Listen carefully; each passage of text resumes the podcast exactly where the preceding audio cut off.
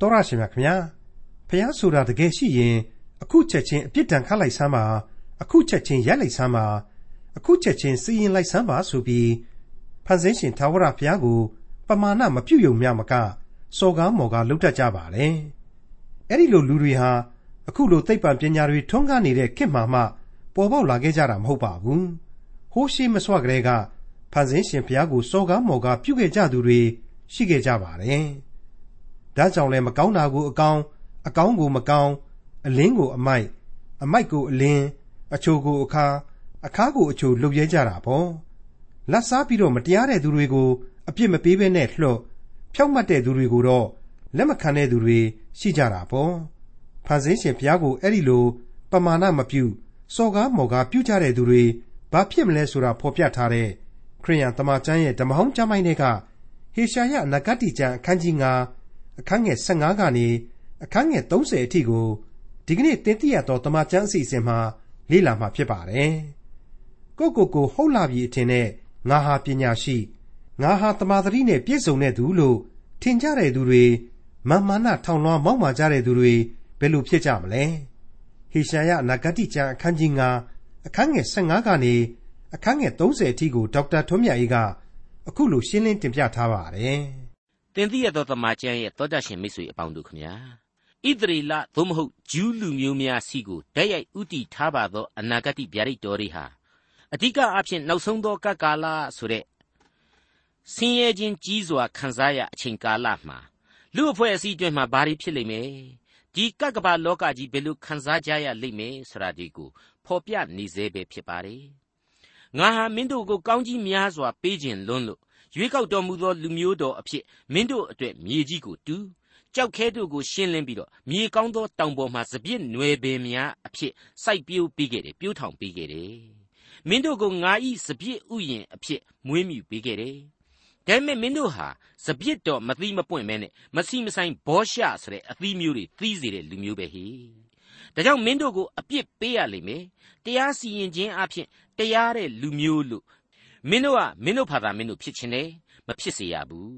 အသေးသက်ချင်းတွေကိုခံရမယ်ဖြောက်မတ်သောသူများလို့မင်းတို့ကမင်းတို့ဖာသာမင်းတို့ခံယူခြင်းတယ်မခံယူကြရဘူးငိုကြွေးကြရလိမ့်မယ်ဆိုတဲ့အလွန်အလွန်ကြောက်မဲ့ဖွယ်သွေးပြက်ဖွယ်အနာဂတ်တို့ကိုကျွန်တော်တို့ပြီးခဲ့တဲ့သင်ခန်းစာမှာကြားခဲ့ကြရပြီးပါပြီဒီလိုကြောက်မဲ့ဖွယ်စီရင်မှုကြီးကိုဥယျင်တော်အတွင်းမှတည်ခြင်းအဖြစ်ဟေရှာယဟာ တည်ခြင်းလင်္ကာအဖြစ်ဆိုဖွဲ့ပြီးတဲ့နောက်မှာတော့လူမျိုးတော်ရဲ့အပြစ်များကိုဥယျင်ကြားမှအပြစ်များဆိုပြီးတော့ကျွန်တော်ကဆက်လက်တင်ပြခဲ့ရမှာအပြစ်ကြီးနှစ်ခုကိုမိษွေတို့အနေနဲ့ကြားနာခဲ့ကြရပြီဖြစ်ပါတယ်ဟုတ်ပါတယ်လောဘဇောတိုက်ပြီးတော့အဖဖျားသခင်ကိုပြစ်မှားခြင်းတနည်းရုပ်ထုစင်တုကိုကိုးကွယ်ခြင်းနှင့်အတူတူဖြစ်သည့်အလွန်အကျူးတတ်မဲ့ခြင်းဆိုတဲ့အပြစ်ပြီးတော့ အယက်သေးရစာများကိုနင်းညမဟုအယူအမှုတောက်၍ဘုရားသခင်နှင့်ဘုရားသခင်အမှုတော်များကိုပမာဏမပြုခြင်းဆိုတဲ့အပြစ်ကြီးနှမျိုးဖြစ်တယ်ဆိုတာကိုကျွန်တော်ဖော်ပြပေးခဲ့ပါတယ်မှန်ပါတယ်မိတ်ဆွေတို့အဲ့ဒီလိုလူမျိုးတွေကိုအမင်္ဂလာရှိတဲ့လူတွေကြက်သေးရုပ်လျော့တဲ့လူတွေတဲ့အဲ့ဒီလိုဖော်ပြပေးခဲ့ပါတယ်ဒီကနေ့ဒီအချိန်ဖို့မှာတော့ဘာတွေများဆက်လက်ပြီးတော့တင်ပြသွားအောင်မယ်ဆိုတာကိုဟေရှာယအနာဂတိကျမ်းအခန်းကြီး9 အငယ်15ကနေ18အရာကြည့်ပြီးတော့မြည်ဆန်းကြည့်ကြပါအောင်ဆိုရဲ့ရုပ်သောသူသည်လည်းဥနှိမ်ခြင်းမြတ်သောသူသည်လည်းရှုံချခြင်းကိုခံရ၍မာနကြီးသောသူတို့၏မျက်နှာလည်းပြည့်ရ၏ကောင်းကင်ဘိုးကြီးအရှင်ထာဝရဘုရားသည်တရားစီရင်ခြင်းအပြင်ချီးမြှောက်ခြင်းသို့ရောက်တော်မူလိမ့်မည်။တန်ရှင်းတော်မူသောဘုရားသခင်သည်ဖြောင့်မတ်ခြင်းအပြင်တန်ရှင်းခြင်းရှိတော်မူလိမ့်မည်။ ထိုအခါသိုးတငယ်တို့သည် အလိုအလျောက်ကျက်စားရကြလိမ့်မည်။တထေးသူကြွယ်ပိုင်ဘူး၍လူစိတ်ညံရာအရ၌လေဧည့်သည်တို့သည် စားရကြလိမ့်မည်။မိတ်ဆွေတို့တတ်ရှင်အပေါင်းတို့ကျွန်တော်ပြီးခဲ့တဲ့သင်ခန်းစာတွေမှာကတည်းကကက္ကာလပျက်စီးခြင်းတွေထဲမှာအဲ့ဒီပျက်စီးခြင်းတွေဟာအတိုင်းအဆမဲ့ကြမ်းတမ်းလိမ့်မယ်ယုံကြည်သူတရားသဖြင့်ပြုသူတွေဟာလည်းမလွှဲမရှောင်သာပါဝင်သွားနိုင်တယ် ဒါပေမဲ့ဘာဆိုဘာမှစိုးရင်စရာမရှိဘူးဟေရှာယအနာဂတိသုံးထဲမှာဆိုရင်ဖြောက်မတ်သောသူသည်မင်္ဂလာရှိ၏ဟုထိုသူအားပြောလော့အကြောင်းမူကားသူသည်မိမိအကျင့်တို့၏အကျိုးကိုခံစားရလိမ့်မည်ဆိုတဲ့အင်မတန်ရှင်းလင်းပြတ်သားတဲ့ချွင်းချက်ကိုကျွန်တော်တို့တွေ့ရပြီဖြစ်တယ်တခါရှင်မသက်ခရစ်ဝင်ကျမ်းအခန်းကြီး24အငယ်73မှာကြည့်လိုက်မယ်ဆိုရင်လေအကျဉ်သူသည်အဆုံးတိုင်အောင်တည်ကြည်၏ ထိုသူသည်ကဲတင်ခြင်းသို့ရောက်လိမ့်မည်ဆိုပြီးတော့ကဲတင်ရှင်သခင်ကိုတော်တိုင်ဟာအဲ့ဒီအချိန်ကာလအတွက်ဂရိချားတော်မူခဲ့တယ်ဂရိရှိပေးခဲ့တယ်ဆိုတဲ့အကြောင်းတွေကိုကျွန်တော်ဖော်ပြထားခဲ့ပြီးပြီဖြစ်ပါတယ်မိတ်ဆွေအပေါင်းတို့အခုစီရင်ခြင်းဟာလူမျိုးတော်ဣသရေလသို့မဟုတ်ဂျူးလူမျိုးတော်တစ်ခုလုံးနဲ့အကျုံးဝင်နေတဲ့အတွက် ဖျားသခင်ရဲ့ရွေးကောက်တော်မူခြင်းတသမတ်တဲ့ကောင်းကြီးမင်္ဂလာအမျိုးမျိုးကိုခံစားခဲ့ရပါတယ်ဆိုတဲ့အမွေခံရလူမျိုးတော်ဣသရေလတို့အတွက်တော့အစုလိုက်အပြုံလိုက်ဆိုသလိုဒုက္ခရောက်ရလိမ့်မယ်ဆိုတာကိုသတိပေးလိုက်ခြင်းလို့ကျွန်တော်တို့ခံယူပါတယ်ကောင်းကင်ဘုရားအရှင်ထာဝရဘုရားသည်တရားစီရင်ခြင်းအပြင်ချီးမြှောက်တော်မူခြင်းသို့ရောက်တော်မူလိမ့်မည်ဆိုတဲ့အချက်ဟာသိပြီးတော့အရေးကြီးလာတယ်လို့ကျွန်တော်တို့ခံယူပါတယ် လူမျိုးတော်အနေနဲ့နိုင်ငံတစ်ခုအပေါ်မှာစီရင်ခြင်းရဲ့လူတဦးတယောက်စီအနေနဲ့စီရင်ခြင်းရဲ့နှစ်မျိုးနှစ်စားခံစားကြရလိမ့်မယ်လို့ကျွန်တော်တို့တွက်ဆမိပါတယ်ဒီနေရာမှာကျွန်တော်အနေနဲ့အနည်းငယ်ဖြစ်ဆွဲရှင်းလင်းခြင်းတဲ့အချက်လည်းရှိနေပါတယ်နှုတ်ကပတ်တော်မှာတရားစီရင်တယ်ဆရာဟာကျွန်တော်တို့လောကတရားသူကြီးများလို့လွတ်စေသည်သို့မဟုတ်သေစေသည်ဆိုတဲ့ တရားနီလန်အရာဥပရိအရာစီရင်ခြင်းမျိုးစီရင်တာကိုကြည့်ပဲဆိုလိုခြင်းမဟုတ်ဂယုဏပြသမှုအဖြစ်လေကျွန်တော်တို့တစ်ဖက်ကခံယူထားကြရမှာဖြစ်ပါတယ်ဥပမာပေးရမယ်ဆိုရင်တော့အခန်းကြီး9ရဲ့အငယ်9မှာတွေ့ရတဲ့တရားစီရင်ခြင်းကိုမျှော်လင့်သည်ရှိသောဆရာဟာအဖဖျားသခင်ထံတော်မှဂယုဏတော်ကိုမျှော်လင့်ခြင်းအဖဖျားသခင်ဤခွင့်လွှတ်ခြင်းကိုတန်တမျှော်လင့်ခြင်းဆရာကိုရှင်းလင်းပြတ်သားစွာဖော်ပြလိုခြင်းဖြစ်ပါတယ် အဲ့ဒီအငယ်9တုန်းကတွေ့ရတဲ့အပိုင်းမှာတရားစီရင်ခြင်းကိုမျှော်လင့်တော်မူသည်ဆိုလို့ဘုရားသခင်ကမျှော်လင့်တယ်ဆိုပြီးတော့ကျွန်တော်တို့ထင်လို့မရနိုင်ပါဘူးအင်္ဂလိပ်ကျမ်းအရာယူဒလူမျိုးတို့ကသာဣသရေလတို့ကသာမျှော်လင့်ခြင်းဖြစ်တယ်ဆိုတာကိုတွေ့နိုင်ပါတယ်အဲ့ဒီတော့အငယ်ခုနှစ်အရာဂယုနာကိုမပြဘူးလို့ဆိုခဲ့တာပဲဖြစ်ပါတယ် အခုအငယ်16ကျတော့ဂယုနာသဘောမျိုးဣသရေလတို့ကမျှော်လင့်တာမဟုတ်တော့ဘဲနဲ့အဖဖျားသခင်ထံမှသာဖြောင့်မတ်စွာအမှုစီရင်ခြင်းအဖြစ်ကျွန်တော်တို့ပြောင်းလဲတွေးခေါ်ရမှာဖြစ်ပါတယ်။သိုးတငယ်တို့သည်အလိုအလျောက်ကျက်စားရကြလိမ့်မည်။တထေးသူကျွဲပိုင်ဘူး၍လူစိတ်ညံရာအရ၌လေဧည့်သည်တို့သည်စားရကြလိမ့်မည်တဲ့။အဲ့ဒီအချက်ကဘာကိုဆိုလိုခြင်းဖြစ်တယ်လေ။ ဒါရီယာဣသရေလတဲ့ပို့ပြီးတော့နည်းနည်းကျယ်ဝန်းသွားပြန်ပြီလို့ကျွန်တော်တို့သဘောပေါက်ဖို့လိုပါတယ်။တနည်းအားဖြင့်တော့အဖဖျားသခင်ဤဂျေဇုဂယုနာတော်ကိုကျွန်တော်တို့တွေ့မြင်နိုင်အောင်ဖော်ပြလိုက်ခြင်းဖြစ်ပါတယ်ပြီးတော့မှအနိဋ္ဌာယုံဖြစ်တဲ့ပျက်စီးခြင်းတွေနဲ့အတူခရစ်တော်ကိုယုံကြည်တဲ့ဣသရေလတွေတပါးမျိုးသားတွေဟာသက်သာရာသက်သာကြောင်အခွင့်အရေးကိုခံစားကြရမယ်မြေကြီးပေါ်ကကောင်းကင်နိုင်ငံတော်မှာ ဘုံတော်ကိုဝင်စားခွင့်ရကြလိမ့်မယ်ဆိုတဲ့အတိတ်ပဲပဲလို့ကျွန်တော်ခံယူလိုက်ပါတယ်ဟေရှာယအနာဂတိကျမ်းအခန်းကြီး9အငယ်16နဲ့19ဒုက္ခကိုဒုစရိုက်ဖြင့်ဆွဲသောသူလှဲကြိုးဖြင့်ဆွဲတဲ့ကဲ့သို့အပြစ်ကိုဆွဲငင်သောသူတို့သည်အမင်္ဂလာရှိကြ၏သူတို့ကလည်းဖျားသခင်၏အမှုကိုငါတို့သည်မြင်ရမည်အကြောင်းအလျင်အမြန်ကြိုးစားတော်မူပါစေ ငါတို့သည်သိနားလည်ရမည်အကြောင်းဣသရေလအမျိုး၏သန့်ရှင်းသောဖျား၏အကြံတော်သည်အနီးသို့ချင်း၍ပြည့်စုံပါစေဟုဆိုရကြ၏မိတ်ဆွေအပေါင်းတို့တတရမြောက်အမင်္ဂလာပဲလို့ကျွန်တော်ဒီအပိုင်းမှာသတ်မှတ်ချင်ပါတယ်အချင်းကျုပ်အနေနဲ့ကျွန်တော်သဘောပေါက်သူပြောရမယ်ဆိုရင်တော့ဒုစရိုက်ကိုပြုသူသို့မဟုတ်အပြစ်မှန်တဲ့၍ဆက်ဆက်ဆက်ဆက်နဲ့တခုမကြံလှုပ်လို့သူကိုဖော်ပြလိုက်ခြင်းဖြစ်ပါတယ်အဲ့ဒီလိုလူမျိုးတွေဟာ အဖဖျားသခင်ကိုပမာဏမပြုံသာမကဘူးစော်ကားလိုက်သေးတယ်ဆိုတာကိုအခုအပိုင်းမှာအကဲဖြတ်နိုင်ပါတယ်အေယာမအပြစ်ကြီးဖြစ်တယ်ဒီအပြစ်ရဲ့ဒဏ်ကိုထူးထူးခြားမဖော်ပြဘဲထားပါတယ်အင်မတန်အော်နှလုံးနာပွေဖြစ်တဲ့အတွက်တမင်မဖော်ပြလိုက်ခြင်းပဲလို့ခံယူပါတယ်ဟုတ်ပါတယ်ဣသရေလကိုရဲရဲဆက်ဆက်ညှင်းဆဲခဲ့တဲ့ဘာဘူးလုံကိုရည်ဆောင်ပြီးတော့ဒါဝိမင်းကြီးရဲ့ဆာလံတီချင်းဟာ ဘာဘူးလုံဣသရေလကိုမသိမ့်ပိုက်ခင်နှစ်ပေါင်းများစွာကလေးကကြိုတင်ပြီးတော့ဗျာဒိတ်ပေးခဲ့တာတွေဟာထင်ရှားသောသက်သေများဖြစ်ပါတယ်138ခုမြောက်သောဆာလံရဲ့ဏိဂုံးပိုင်းတွေမှာပြန်ကြည့်မယ်ဆိုရင်အခုလိုကျွန်တော်တို့တွေ့ရမှာပါ။အိုထာဝရဖေဟာယေရုရှလင်မြို့၏နေ့ရဲ့အချိန်ရောက်သောအခါမြို့ရိုးကိုအမြင့်တိုင်အောင်ရှင်းလိုက်ကြရှင်းလိုက်ကြဟုဆိုကြသောအေဒုံအမျိုးသားတို့ကို အောက်မေ့တော်မူပါ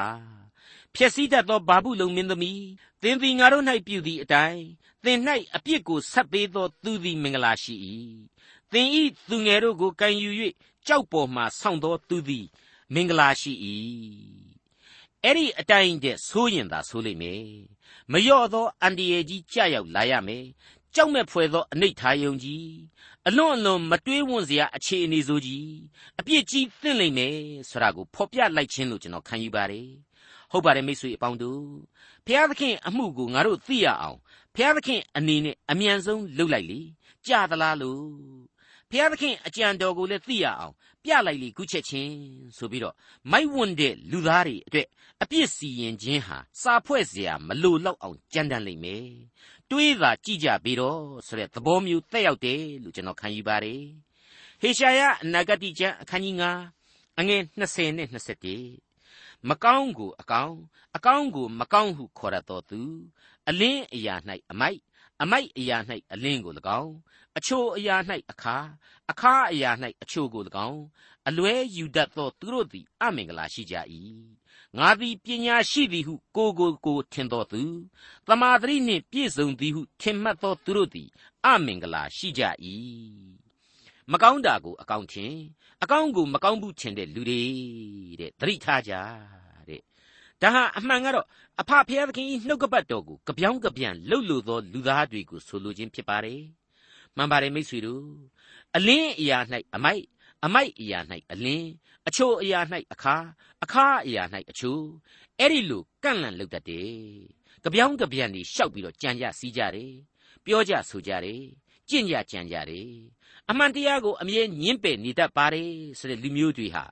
လောကကြီးမှာအများကြီးရှိနေပါတယ်အထူးသဖြင့်ဣသရေလဒီဟုသောလူမျိုးတော်ရဲ့အတိုင်းအဝိုင်းမှာအဲ့ဒီလိုလူမျိုးတွေအလွန်အလွန်များပြားလာပါလိမ့်မယ်များပြားတဲ့အတွက်လေအမင်္ဂလာဖြစ်ရခြင်းပါပဲတဲ့အဲ့ဒီအတိုင်းပါပဲမိတ်ဆွေတို့ ပညာရှိဆိုပြီးတော့ကိုကိုကိုအထင်ကြီးနေတဲ့လူတွေတမာတိရှိလာပြီဆိုပြီးတော့ကိုကိုကိုသွေးနှထင်ရောက်နေတဲ့လူတွေဟာလေအမင်္ဂလာပဲဖြစ်ပါတယ်တဲ့ကျွန်တော်အကဲဖြတ်လို့ရသလောက်ကတော့ရွေးကောက်တော်မူသောလူမျိုးတော်ဆရာဟာနှုတ်ကပတ်တော်နဲ့အလွန်အလွန်လက်ပွန်းတတိအရှိဆုံးလူမျိုးဖြစ်ပါတယ်ကမ္ဘာသမိုင်းမှာဒီလူမျိုးတော်တဲ့နှုတ်ကပတ်တော်နဲ့နီးစပ်တာမရှိတော့ပါဘူး အဲ့ဒီလောက်အထိလက်ပွန်းတတိရှိနေတဲ့အတွက်ကြောင့်ကိုပဲအခုလိုအပြစ်သစ်မှုတွေဟာပိုကဲလာတယ်လို့အကဲဖြတ်ခြင်းပါတယ်ဥပမာပေးရမယ်ဆိုပါတော့ခရစ်တော်ကိုအများဆုံးတိုက်ခိုက်ဝေဖန်တဲ့ကျမ်းသက်တွေဖာရိရှဲတွေဟာကျမ်းစာကိုအလွတ်နီးပါးရကြပါတယ်ဒါပေမဲ့သူတို့အလွတ်ရွတ်ဆိုတဲ့ကျမ်းတို့ကိုဖြစ်စီသူတို့လိုက်နာနေပါတယ်ဆိုတဲ့ပြည့်ညတ်တော်တွေကိုဖြစ်စီဝိညာဉ်တော်ဟာလူစားတိအယခရစ်တော်အဖြစ် ဗျာဒိတ်များအဖြစ်ချထားပေးခဲ့ခြင်းဖြစ်တယ်ဆိုတာကိုသူတို့ဘယ်လို့မှလက်မခံနိုင်ကြပါဘူးအဲ့ဒါဟာလူသားတို့နှလုံးသားတွေကိုယ်တိုင်ဟာဝိညာဉ်ပဂရိအကျိုးများပွားများဖို့အလွန်အလွန်ခဲရင်တယ်အပြစ်မျက်နှာပြင်ဘက်မှသာယက်တည်ခြင်းပါတယ်ဆိုတဲ့လူသားတို့ရဲ့အာနေခြင်းသဘောကိုဖော်ပြနေခြင်းလို့ကျွန်တော်တို့သတ်မှတ်လိုပါတယ်ဟေရှာယအနာဂတိကျမ်းအခန်းကြီး9အငယ်22နဲ့23 စပြည့်ရေကိုများစွာတောက်နိုင်သောသူဆေးနှင့်ရောသောသေရည်သေရက်ကိုတောက်ခြင်းအမှု၌အာကြီးသောသူတို့သည်အမင်္ဂလာရှိကြ၏ထိုသူတို့သည်တစိုးကိုစားခြင်းငှာမတရားသောသူတို့ကိုအပြစ်မပေးဘဲလွှတ်၍ဖြောက်မတ်သောသူတို့၏ဖြောက်မတ်ခြင်းကိုဝန်မခံပယ်ရှားတတ်ကြ၏အယက်သမားအမှားတထောင်ဆိုတာကိုဆက်ပြီးတော့ဖော်ပြလိုက်ခြင်းပါ အထက်ကသင်ခန်းစာမှာတုန်းကလေးကအဖဖျားသခင်အမှုတော်နဲ့အဖဖျားသခင်ကိုပမာဏမပြုတ်ဘူးဆိုတာကိုပြောခဲ့ပြီးဖြစ်ပါတယ်အခုအပိုင်းမှာကျတော့မူးမူးယူယူနဲ့မတရားသဖြင့်ရှောက်လုတ်တယ်ဆိုတဲ့သဘောပဲအရက်သာမကမူရစ်ဆေးဝါးတွေအရှိန်နဲ့အာယုံခံစားမှုတွေဟာကြောက်ကြရက်တွေဖြစ်နေတယ်မြင့်မြတ်ပါတယ်ဆိုတဲ့အလုပ်ကိုမလုပ်နိုင်တော့ဘူး သူ့ကြောင့်မကောင်းတာလှုပ်ရှားတဲ့လူတွေဟာကြီးပွားတိုးတက်တယ်လူကောင်းသူကောင်းတွေဒုက္ခရောက်တယ်ဆိုတာကိုပါထည့်ပြီးတော့ပြောလိုက်ပါတယ်တနည်းအားဖြင့်တော့အဖဖျားသခင်လူလားပါသောလူအဖွဲ့အစည်းအတွင်းမှာအမိုက်တရိုက်အဖြစ်ပြောင်းလဲသွားသောဒုစရိုက်ကောင်းများပဲမိတ်ဆွေအပေါင်းတို့ခမညာအခုလိုဖော်ပြထားခဲ့တဲ့အမင်္ဂလာသမားတွေဟာဣသရေလနိုင်ငံမှာအဲ့ဒီအချိန်ကာလမှာလေမရှိဘူးလားဆိုတော့ရှိခဲ့ပါတယ် ရှိခဲ့တဲ့အတွက်ကြောင့်လည်းဟေရှာယဟောပြီးတော့မကြခင်အနှစ်တရာလောက်မှာပဲယူဒပြည်ကြီးဟာဘာဘူးလုံနိုင်ငံတော်ရဲ့လက်အောက်ကိုရောက်နှစ်ပေါင်း80ကျော်ကျွန်ဖြစ်ရမှာအမှန်ပဲဖြစ်ပါတယ်အထူးသဖြင့်နောက်ဆုံးသောကကာလမှာတော့အဲ့ဒီလိုလူမျိုးတွေအကြီးအကျယ်ဖောင်းပွားပြီးတော့အကြီးအကျယ်ဖျက်ဆီးခြင်းခံကြရလိမ့်မယ်ဆိုတာကိုရည်ညွှန်းဖော်ပြနေသောကြမ်းများပဲဖြစ်တဲ့အကြောင်းတင်ပြလိုပါတယ်အဲ့ဒီဖျက်ဆီးခြင်းတွေရဲ့သဘောတဘာဝကိုတော့အခုလိုကျွန်တော်တို့ဆက်ပြီးတော့တွေ့ရအောင်မှာပါ ဟေရှာယအနာဂတိကျမ်းအခန်းကြီး9အငယ်24ထိုသူတို့သည်တစိုးကိုစားခြင်းဟာမတရားသောသူတို့ကိုအပြစ်မပေးဘဲလွှတ်၍ဖြောင့်မတ်သောသူတို့၏ဖြောင့်မတ်ခြင်းကိုဝန်မခံပယ်ရှားတတ်ကြ၏ထို့ကြောင့်မိရှာသည်ကောက်ရိုးကိုရက်မီးလျံသည်မျက်ခြောက်ကိုကျွန်းစေသည်နိတူသူတို့၏အမြင့်သည်ဆွေးမြေ့သောသစ်သားကဲ့သို့ဖြစ်၍အပွင့်သည်လည်းမြေမှုန့်ကဲ့သို့လွင့်တက်လိမ့်မည် အကြောင်းမူကားကောင်းကင်ဘိုးကြီးအရှင်ထာဝရဘုရား၏တရားတော်ကိုပယ်ကြပြီဣသရေလအမျိုး၏တန်ရှင်းသောဘုရား၏ဗျာဒိတ်တော်ကိုမထီမဲ့မြင်ပြုကြပြီတဲ့ကောင်းရော်လို့မဆိုနိုင်ဘူးလားမိတ်ဆွေတို့ဒီအပိုင်းအခြားကိုကြားနာရတဲ့အခါကျတော့ကယ်တင်ရှင်သခင်ခရစ်တော်ဟာဟေရှာယအနာဂတိကျမ်းအခန်းကြီး42အငယ်3မှာဖော်ပြထားတဲ့အတိုင်းပေါ်ထွန်းလာခြင်းဖြစ်တယ်။သူ့ရဲ့တရားတော်မြတ်ကိုယ်တိုင်ဟာ အလိုအလျောက်အာနာသက်ရောက်မယ်ဆိုတာကိုကျွန်တော်သွားပြီးတော့သတိရမိပါတယ်။ရှင်မသက်ခရစ်ဝင်ကျမ်းအခန်းကြီး7အငယ်18ကနေပြီးတော့21အတွင်းမှာပြန်ကြည့်မယ်ဆိုရင်အခုလိုတွေ့နိုင်ပါတယ်။သေချာစွာနားဆင်ကြည့်စေခြင်းပါတယ်။ငါရွေးချယ်သောငါကျွန်းရင် ငါနှစ်သက်မြတ်လို့သောသူကိုကြည့်ရှုလော့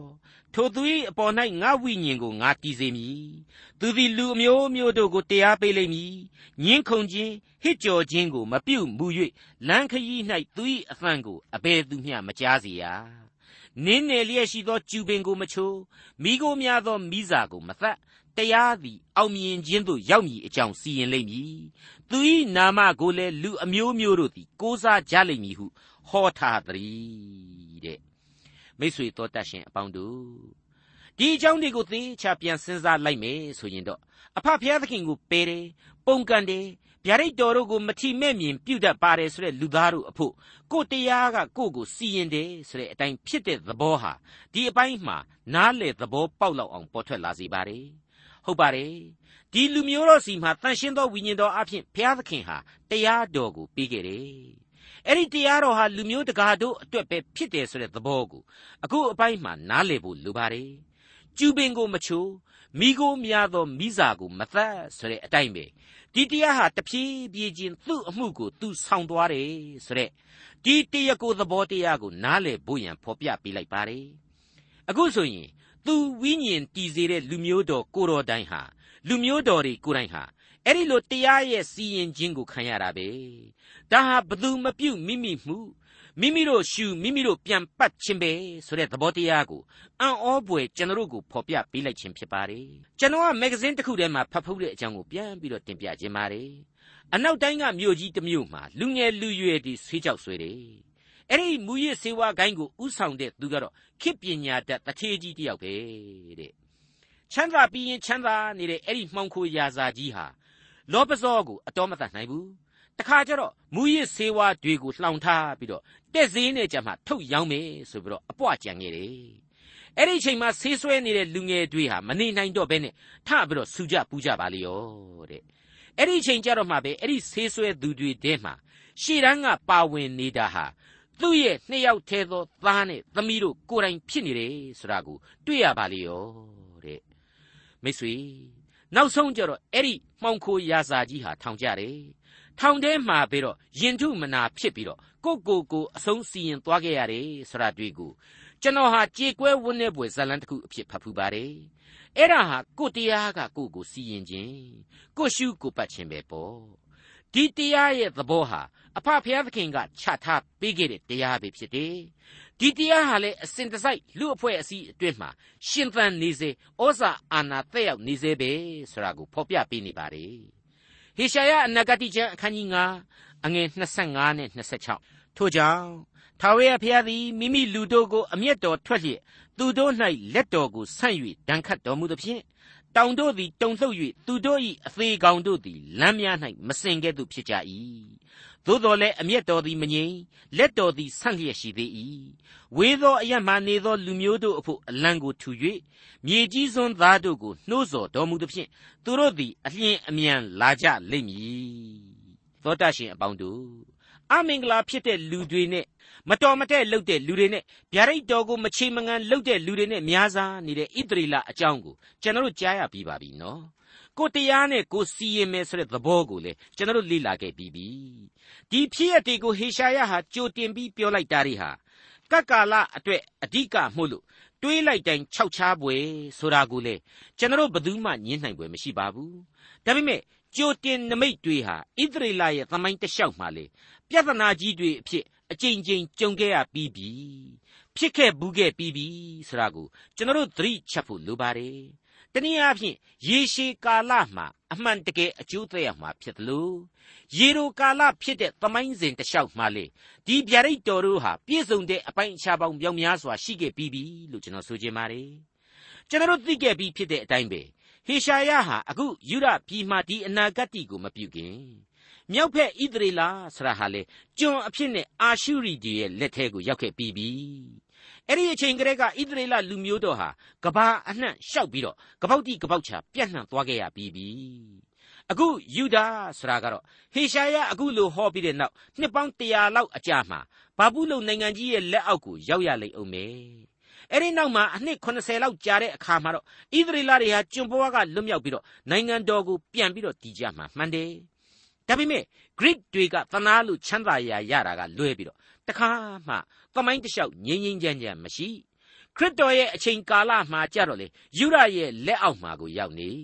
နောက်ပိုင်းတူရကီအင်္ဂလိပ်စတဲ့ရှေးနယ်ချဲ့ကြီးတွေစီမှာဒူးထောက်ခဲ့ကြရတယ်ဆိုတာတွေဟာသမိုင်းထင်ရှားတဲ့အဖြစ်တည်ကြီးပဲဖြစ်ပါတယ်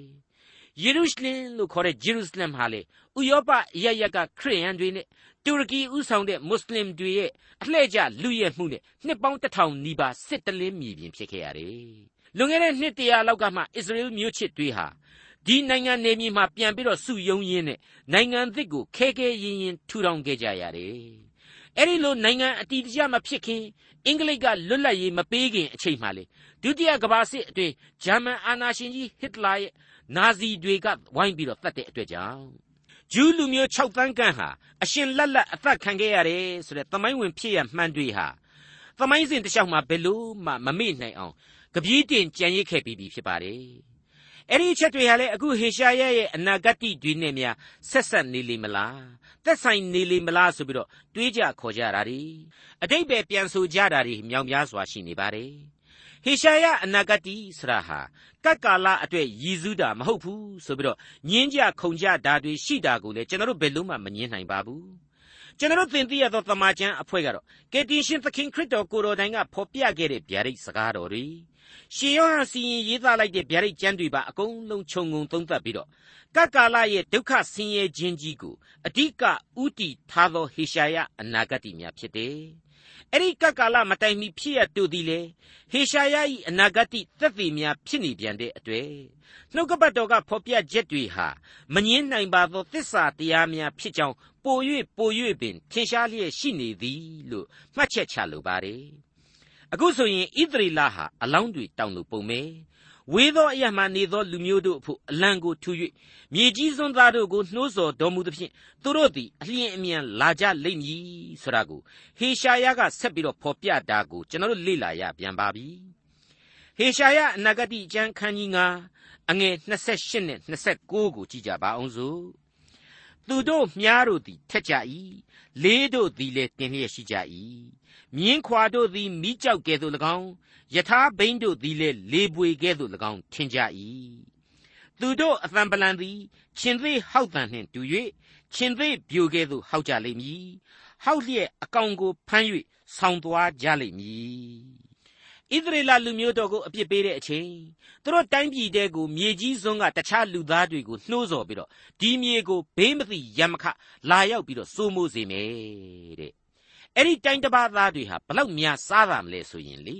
ရှော့ရှော့ရှူရှူကလေးနဲ့ဣသရေလကိုအနိုင်ယူပြီးတော့သူတို့ရဲ့အဝတ်အစားတောင်မှများများစားစားမပေချမ်းရဘူးမတွန့်ရဘူးမကြည်ရဘူးဖနက်သေးကျိုးနဲ့ခပတ်များတောင်မှမဖြုတ်မပြတ်ရဘူးတဲ့အံ့ဩစရာကောင်းလိုက်ပါပြီတော့နော်စစ်တိုက်တဲ့သဘောမျိုးမဟုတ်ဘူးလွယ်လွယ်ကူကူလေးအခန့်သားဝင်ပြီးတော့ဣသရေလကိုစိုးမိုးတဲ့သဘောအနိုင်ကျင့်တဲ့သဘော အဲ့ဒီအချက်တွေကိုအထက်ပိုင်းမှာကျွန်တော်တို့ဟာတွေ့ကြရပြီးပြီဖြစ်ပါတယ်အခုကျတော့သူတို့ရဲ့လက်နက်တွေဟာထိတ်တန်းအဆင့်မှာရှိတယ်ဣဣသရေလလူမျိုးတော်အဖို့ရှင်သေးတွေလူဟောက်ပြီးတော့ဣသရေလတွေဟာတကယ်သားကောင်ကလေးတွေရဲ့ဘဝကိုဒီရန်သူလူမျိုးတွေရဲ့လက်အောက်မှာပြပြဝတ်ရောက်ရှိသွားရလိမ့်မယ်တဲ့မိတ်ဆွေတို့ အဖဖျားသခင်ရဲ့စီရင်တော်မူခြင်းဆိုတာတွေများဟာဘလောက်အထိနည်းနေတဲ့ကျေဝန်းတယ်ကျွန်တော်တွေးဆလို့ဘယ်လို့မှမမိနိုင်အောင်ရှိတယ်ဆိုတာတွေကိုကျွန်တော်ဒီအပိုင်းမှာလေးနဲ့စွာစဉ်းစားမိပါတယ်အဖဖျားသခင်ဟာမြောက်ဖက်ဣသရေလကိုအာရှုရိတွေစီမှာကျွန်ဖြစ်စေဆိုပြီးတော့အမိန့်တော်ချခဲ့တုန်းကဆိုရင်အာရှုရိတွေဟာအဲ့ဒီအရက်ဒေသမှာမဆိုင်တဲ့တခြားတိုင်းတစ်ပါးသားတွေကိုအတင်းနေရာချထားတယ်။တနည်းအားဖြင့်ဣသရေလနယ်မြေမှာ အခုဘုရားသခင်ဗျာဒိတ်တော်လူပဲတခြားလူမျိုးတွေကိုနေရာချထားပေးခဲ့တဲ့သဘောပဲမဟုတ်ဘူးလား။ဒါပေမဲ့အဲ့ဒီလူမျိုးကြားတွေဟာအဖဘုရားသခင်ကိုမသိခဲ့ကြပြန်လေတော့ရှင်သေးတွေကိုလွှတ်ပြီးတော့သူတို့ကိုကြိုက်စားစေတယ်။ပြေးမလို့ဖြစ်စေတယ်